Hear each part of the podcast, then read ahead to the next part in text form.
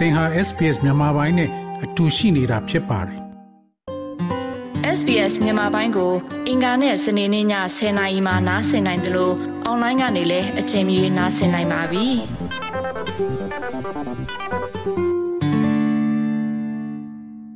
နေ့စဉ်ရေးပါတဲ့စာဝတ်နေရေးဆိုတာအတွေ့အလောက်ကိုင်းဆိုတာဟာအဓိကအခန်းကဏ္ဍတစ်ခုပါ။ နိုင်ငံရေးမတည်ငြိမ်မှုတွေကြားက မြန်မာနိုင်ငံအတွက်တော့ ရှားပါလာတဲ့ အလုပ်ကိုင်းခွင့်လန်းတွေနှဲပါလာတဲ့ ဝင်ငွေတွေကြားမှာ အခက်ကြုံလာကြရပါတယ်။ဒီအခြေအနေဟာကုညီသူတွေနဲ့ရက်တည်နေရတဲ့ စစ်ပေးရှောင်တွေအတွက်တော့ ရတဲ့မအေးစရာ ဖြစ်လာရတာပါ။အဲ့ဒီလို ကြုံတွေ့လာရတဲ့ထိုင်းမြန်မာနယ်စပ်မှာရှိတဲ့ ပလော့တဘိုစစ်ရှောင်စခန်းက ပြည်သူတွေလည်း ပါဝင်ပါတယ်။ သူတို့တွေအတွက်စစ်ဆောင်ကာလတွေကြာလာတာနဲ့အမျှဘဝရက်တည်နေထိုင်ရေးအတွက်ရရနီးလန့်အမျိုးမျိုးနဲ့အသက်မွေးဝမ်းကြောင်းပြုနိုင်မှုစူးစမ်းခဲ့ကြရပါတယ်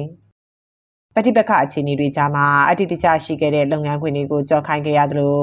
စစ်ဆောင်ဘဝမှာတော့အလုပ်လုပ်ကင်ဖို့ဟာလည်းမလွယ်ကူလာပါဘူး။ပလော့တပိုစစ်ဆောင်စကန်ကကလေးနှစ်ယောက်ဖခင်ဖြစ်သူကိုဘရိကီက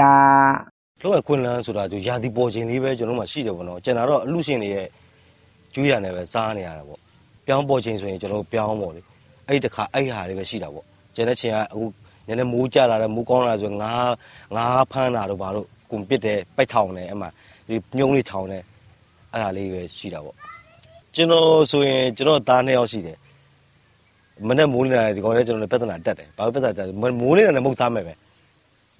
သူတို့ကဘာမှမသိဘူးလေကလေးဆိုတော့သူတို့သိတာမုတ်စားမယ်မနေ့မိုးနေခါကျကျွန်တော်မှခက်ခဲတယ်မုတ်စားဖို့ ငွေကြေးခက်ခဲတွေအဲ့မျိုးလေးပေါ့ဒီလောက်ကန်ခွင့်လည်းမရှိတဲ့ခါကျတော့အဓိကကျွန်တော်တို့ကဘာဖြစ်နေဖြစ်နေအဆင်မပြေဘူးဆိုတာသိတယ်ကျွန်တော်တို့ဒါပေမဲ့ကျွန်တော်တို့အဆင်ပြေအောင်ကျွန်တော်ဘယ်လိုနေရမလဲအဓိကကျွန်တော်တို့ဘာအလုပ်ရှိတယ်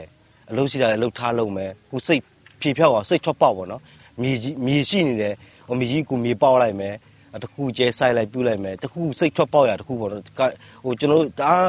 ကကြမွန်းကျက်တယ်စိတ်တရားမွန်းကျက်တယ်မွန်းကျက်ရင်ကိုလှုပ်ချင်တာလေးကိုတခုစိတ်ထွက်ပေါက်တခုရအောင်ဆိုပြီးတော့ရှာဖွေပြီးတော့ လုပ်ပြီးတော့ဖြည့်သိပ်ပြီးတော့နေရတာများတယ်ရက်တွေများတယ်တိုက်ပွဲဖြစ်ပွားရာဒေသတွေနဲ့နှိစက်နေတဲ့အခြေအနေမှာစစ်ပေးရှောင်တွေဟာလုံခြုံရေးအခက်အခဲကြောင့်တွာလာအလုပ်လုပ်နိုင်ဖို့ခက်ခဲခဲ့ပါတယ်။အရင်အခြေအနေတဲ့ကုန်စည်နှုန်းက9ဆလောက်မြင့်တက်လာတယ်လို့ဆိုကြသလိုအလူရှင်တွေဟာလည်းမရှိသလောက်နေပါလာခဲ့ပါတယ်။ တချို့ကတော့စစ်ရှောင်းစခန်းကထွက်ခွာပြီးတစ်ဖက်ထိုင်းနယ်စပ်မြို့တွေမှာအလုပ်လုပ်ကင်ကြပေမယ့်သွာလာစည်းတွေလုံခြုံရေးတင်းကျပ်မှုတွေကိုကြုံတွေ့ခဲ့ရပါတယ်။တချို့စေဘေးရှောင်းတွေကတော့စခန်းထဲမှာဟင်းသီးဟင်းရွက်တွေစိုက်ပျိုးရောင်းချကြသလိုတနိုင်တပိုင်ကုံကြောက်ဆိုင်လေးတွေမှုန်ပဲသေးစားရောင်းချတာတွေလုပ်ကိုင်းနေကြပါတယ်။ပလော့တဘိုစစ်ရှောင်းစကန်မှာတော့လီကီကောတိုက်ပွဲကြောင့်နေရက်မပြန်နိုင်သေးတဲ့ဒေသခံ900ကျော်စစ်ပေးရှောင်နေကြရတာပါ။ အဲ့ဒီထဲမှာကျောင်းနေအရွယ်ကလေးငယ်200ကျော်ရှိနေသလိုသူတို့အနာဂတ်အတွက်လုပ်ငန်းခွင်မရှိတဲ့မိဘတွေဟာရရက်မအေးနိုင်ဖြစ်နေကြရတယ်လို့ဆိုပါတယ်။တောက်ကြနေတရက်သားဝေမျှတဲ့ရေခါကိုလောက်ငအောင်စီစဉ်ပေးနေရင်မိသားစုတွေရဲ့ဘဝအခြေအနေကိုစက်မတွေးနိုင်တော့တဲ့အထိဖြစ်နေတယ်လို့အရှင်မတူဖြစ်သူမတ်စပယ်ဖြူကဆိုပါတယ်။ကလေးလေးတွေတနာတယ်။ကိုဘဲအနေစားပြီးတော့ကလေးတွေကြောင်းကြောင်းလည်းမမှန်မတတ်အောင်လေ။ ကိုလေးတော့ကတော့မိဘနဲ့မပြေလဲလို့အခုကိုကလေးလေးကြားတဲ့ခါကျတော့ကိုဖေးကနေစပြီးတော့ဒုက္ခရောက်တော့ကလေးတွေစားမထက်ဘူးဒါမဲ့ဒီရောက်တော့လဲကလေးတွေကလေးကုန်တယ်လေဒါမဲ့ဆရာဆရာမတွေလည်းရှိပါတယ်ကျေးဇူးလည်းအများတင်အများကြီးတင်ပါတယ်ဆရာမတွေဟိုအကောင်လုံးကသူ့လိုငါလိုကြီးပဲဆိုတော့ဒုက္ခနဲ့အချင်းတွေကလည်းဘယ်တော့မှအေဂျင့်မဆိုတော့ကိုကမသိဘူးလေကိုကလေးအစီဘာဖြစ်ဆိုတော့သူများတွေစေတနာရှိလို့ လှူရတဲ့အလှူကြတော့မျောမြင်ပြီးကိုသက်စားရဲမှလည်းတော့စိတ်ရအတွက်လည်းကိုနေတဲ့အလှူရှင်တွေလှူနေတာကလည်းနည်းနည်းချီရှိနေပြီဆိုတော့လေအဲ့ဒါကိုက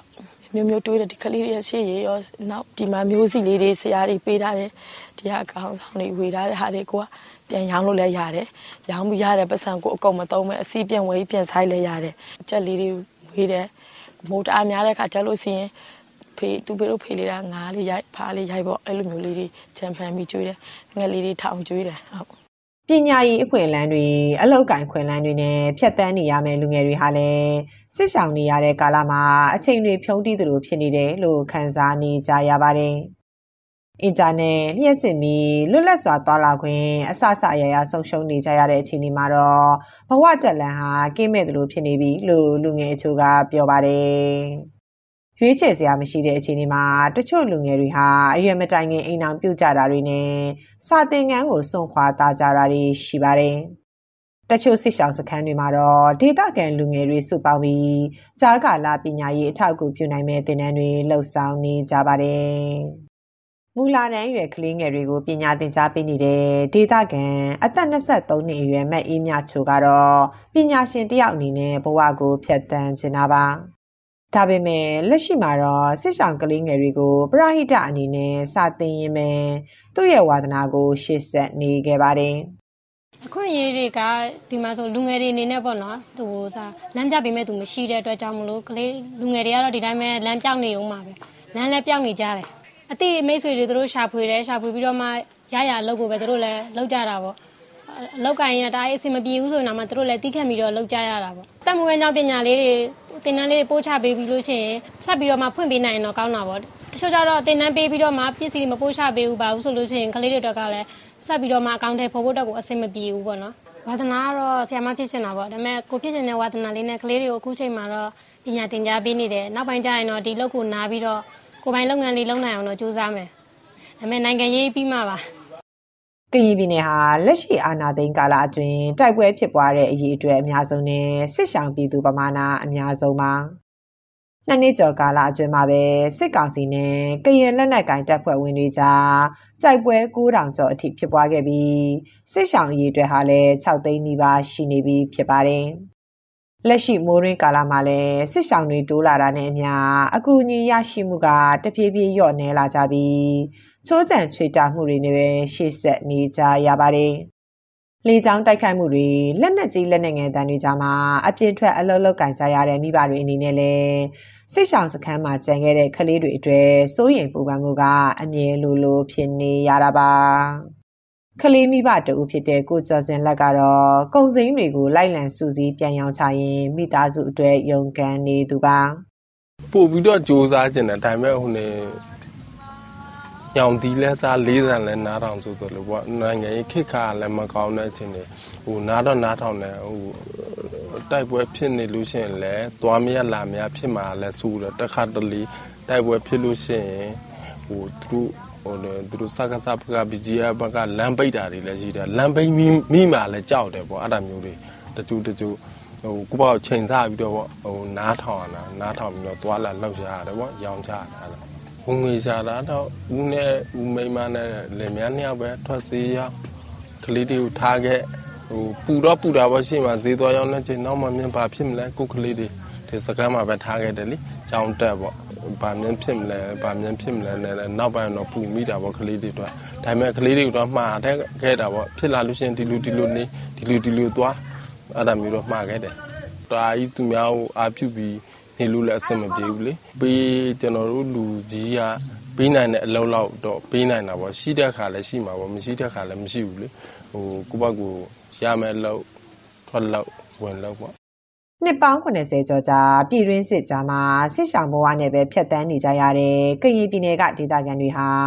တကြော်ပြီးတကြော်စစ်ဆောင်ရင်စစ်ဘေးဆောင်ဘဝနဲ့အချိန်ကုန်ဆုံးခဲ့ရပါတယ်။တချို့ဒေသတွေမှာတိုက်ပွဲတွေငြိမ်သွားကြပေမဲ့စစ်ရဲ့နောက်ဆက်တွဲမိုင်းပြဿနာတွေမပောက်ကွဲသေးတဲ့လက်နက်ကြီးကြီးတွေကြောင့်နေရက်ပြန်ဖို့စိုးရိမ်နေကြသူတွေလည်းရှိပါတယ်။ အလူရှင်တွေကိုပဲအာကိုရင်ကြုံတလိုဘဝကိုဖျက်ဆီးနေထိုင်ကြရတာကို ဖြည့်ရှင်းနိုင်ဖို့အလောက်ကင်ခွင်လန်းဟာရေရှည်စဉ်းစားရမယ့်အရာလို့ရှုမြင်ကြပါတယ်။စစ်ဆောင်တွေရဲ့ဘဝမြင့်တည်ရေးလူငယ်တွေရဲ့အနာဂတ်အတွက်အထောက်အကူပြုစီနိုင်တဲ့သင်တန်းတွေကိုသင်ကြားပေးနေပေမဲ့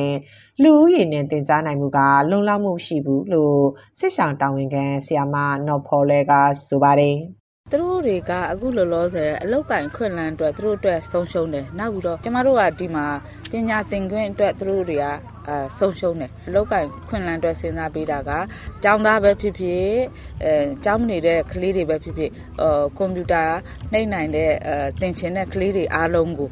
အခုလောလောဆယ်ကျမတို့ကွန်ပျူတာသင်ထားပေးတယ်တရုတ်ဆရာမလည်းခေါ်ထားပေးတယ်နောက်ပြီးတော့အင်္ဂလိပ်စာသူတို့ဆေးရှောင်စဉ်ကာလအတွင်းမှာသူတို့ပညာရေးရလေးတစ်ခုသူတို့အလောက်ကင်အတွက်အဲရှေ့ရေးအတွက်အလောက်ကင်လေးအတွက်အဆင်ပြေသွားအောင်ဆိုပြီးတော့ကျမတို့ကအဓိကမြန်မာစာသင်ချာအင်္ဂလိပ်စာနဲ့တရုတ်စာကွန်ပျူတာကို ဟဟိုအားထားပြီးတော့သူတို့တင်ပေးတယ်ဒီလူငယ်လူရွယ်လေးတွေတစ်ချိန်ကျရင်အလုပ်လုပ်တဲ့ခါကျရင်အလောက်ကင်ခွင့်လန်းတယ်မှာသူတို့သူတို့အရေးချင်းပြည့်မီရင်ဘာပဲဖြစ်ဖြစ်သူတို့အလောက်ကင်အတွက်အဆင်ပြေမလားပေါ့နော်အဲ့ဒါလေးတွေစဉ်းစားပြီးတော့တော့တင် जा ပေးတယ်မြန်မာနိုင်ငံရဲ့လူဦးရေထဝက်နီးပါးဟာပဋိပက္ခတွေကြားမှာအခက်ကြုံနေရတယ်လို့သူတေသနာစစ်တမ်းတွေမှာဖော်ပြထားပါတယ် အဲ့ဒီထဲမှာတော့နှစ်ပေါင်း80နီးပါးပြည်တွင်းစစ်ကြားရှင်သန်နေရတဲ့ကရင်ပြည်နယ်ဟာအများဆုံးပမာဏအဖြစ်ပါဝင်နေတာပါနေရစွန်ခွာဒေသခံတွေကြတော့မငြိမ့်နိုင်သေးတဲ့ပဋိပက္ခလှိုင်းလုံးတွေကြားမှာအလောက်အကင်ခွင်လန်းဟာကောက်ရုံးမြင်တစ်ခုလိုဖက်တွဲမျောလင့်နေရစေပါဒီသတင်းဆောင်မကိုတန်လွင်ခက်ကပေးပို့ထားတာဖြစ်ပါတယ် SBS မြန်မာပိုင်းကို အင်ကာနဲ့စနေနေ့ည10:00နာရီမှနားဆင်နိုင်ပါတယ်။နားဆင်နိုင်တဲ့နည်းလမ်းအများကြီးရှိပါတယ်။ Radio, Digital TV, Online ဒါမှမဟုတ် SBS Radio App ကနေတဆင့်နားဆင်နိုင်ပါတယ်။ SBS မြန်မာပိုင်းအစီအစဉ်ဖြစ်ပါတယ်ရှင်။